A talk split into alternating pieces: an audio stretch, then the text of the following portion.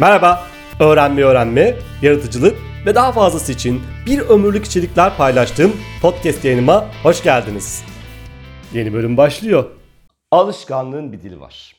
Bu dili bilirsen, hele de bu dilin gramerini öğrenirsen alışkanlık oluşturmak ya da bırakmak istediğin bir alışkanlığı değiştirmek senin için çok daha kolay olur. Bugün konumuz tam da bu. Yani alışkanlıkların dili. Bu dili bilmek alışkanlık oluşturmayı ya da bir alışkanlığı değiştirme sürecini daha kişisel ve daha etkili hale getiriyor.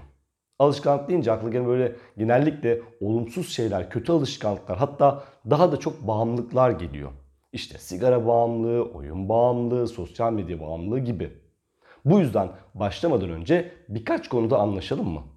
Mesela her alışkanlığın bağımlılık olmadığını söyleyelim. İkincisi alışkanlık kelimesi kolektif bilinçaltımızda kötü alışkanlıkları çağrıştırıyor olsa da alışkanlık iyidir ya da kötüdür diye baştan söylenemez. Çünkü alışkanlığın iyi mi kötü mü olduğu niye alıştığına, niye alıştığına, bu alışkanlığın sana hizmet edip etmediğine, sana hizmet ediyorsa nasıl hizmet ettiğine bağlıdır. Üçüncüsü bağımlılıkta bir şeyin fiziksel, toplumsal ya da psikolojik olarak sana zarar e, verse de senin zararını görsen de o maddeye, kişiye da herhangi bir nesneye kendini mecbur hissedersin. O şeye tabisindir.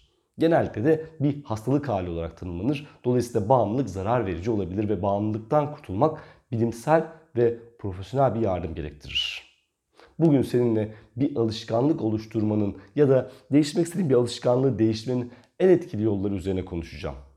Alışkanlıklar üzerine konuşurken arada bağımlılıklardan örnek verirsem sen örneklerimi daha çok alışkanlıklar açısından dinle lütfen. Anlaşmalarımızı yaptıysak ve anlaştıysak devam edelim ve kötü alışkanlıkları değiştirmek ve etkili alışkanlıklar kazanmak için en etkili 4 yöntemden bahsetmeye başlayalım.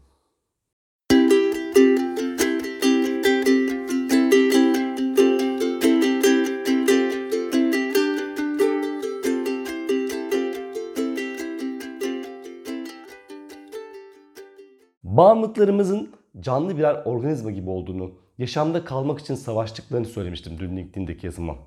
Elementary dizisini izlerken rastlamıştım bunu ve bir yere not almıştım. Şimdi aklımda kaldığı halde paylaşmış oldum. Sigara gibi bir bağımlı olanlar bunu çok iyi anlayacaktır. Bağımlılık seninle müzakere eder. Bazen sana karşı savaşır. Bazen seninle uzlaşır. Bazen seni kandırır bile. Hatta bazen uzun süre böyle kış uykusu gibi uykuda bekler ama fırsatını bulursa hemen tekrar harekete geçer. Her defasında amacı mutlaka mutlaka yaşamda kalmaktır. Ben 20 yıl hiç sigara içmeyip sigarayı bıraktıktan sonra sigaraya yeniden başlayan insanlar gördüm.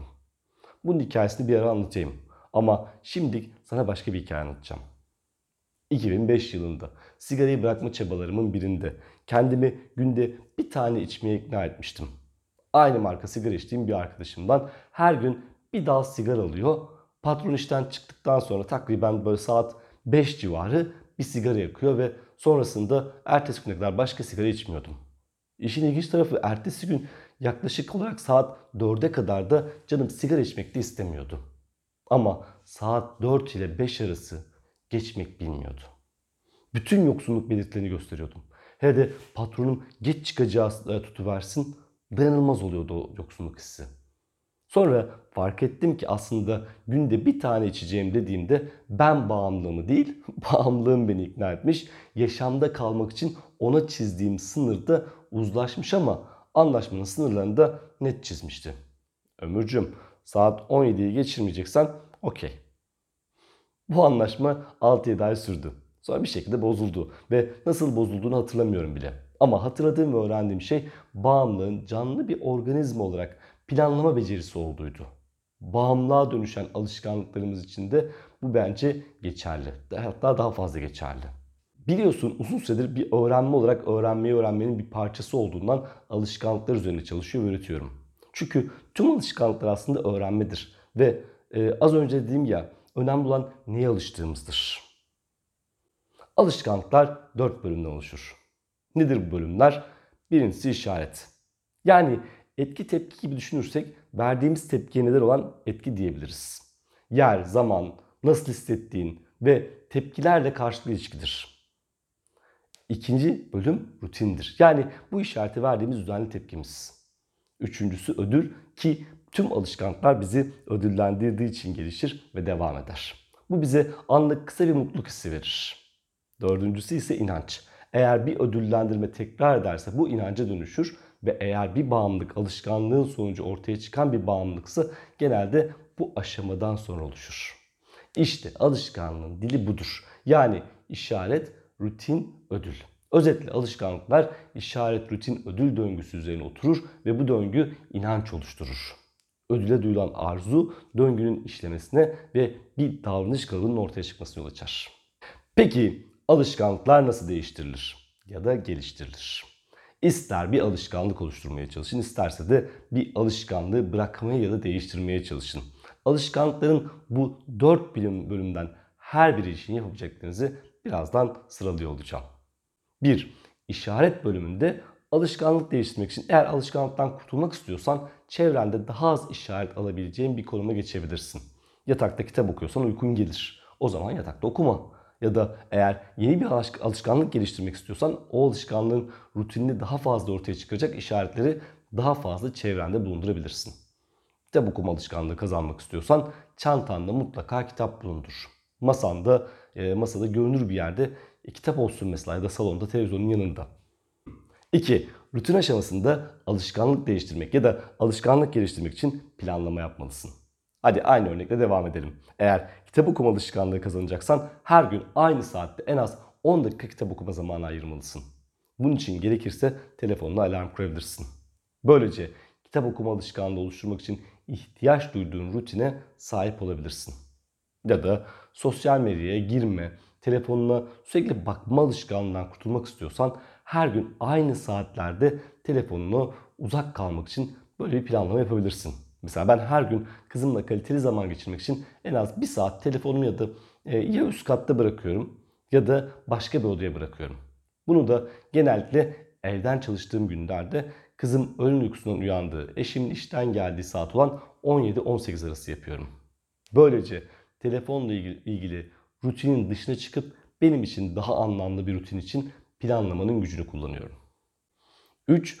Ödül aşamasında alışkın olunan davranışı değiştirmek için seni daha mutlu edecek, böylece ödülünü daha hızlı ve kolay bir şekilde alabileceğin başka bir şeye odaklanabilirsin. Aslında iyi alışkanlıklar için ödül bazen o alışkanlığın kendisidir.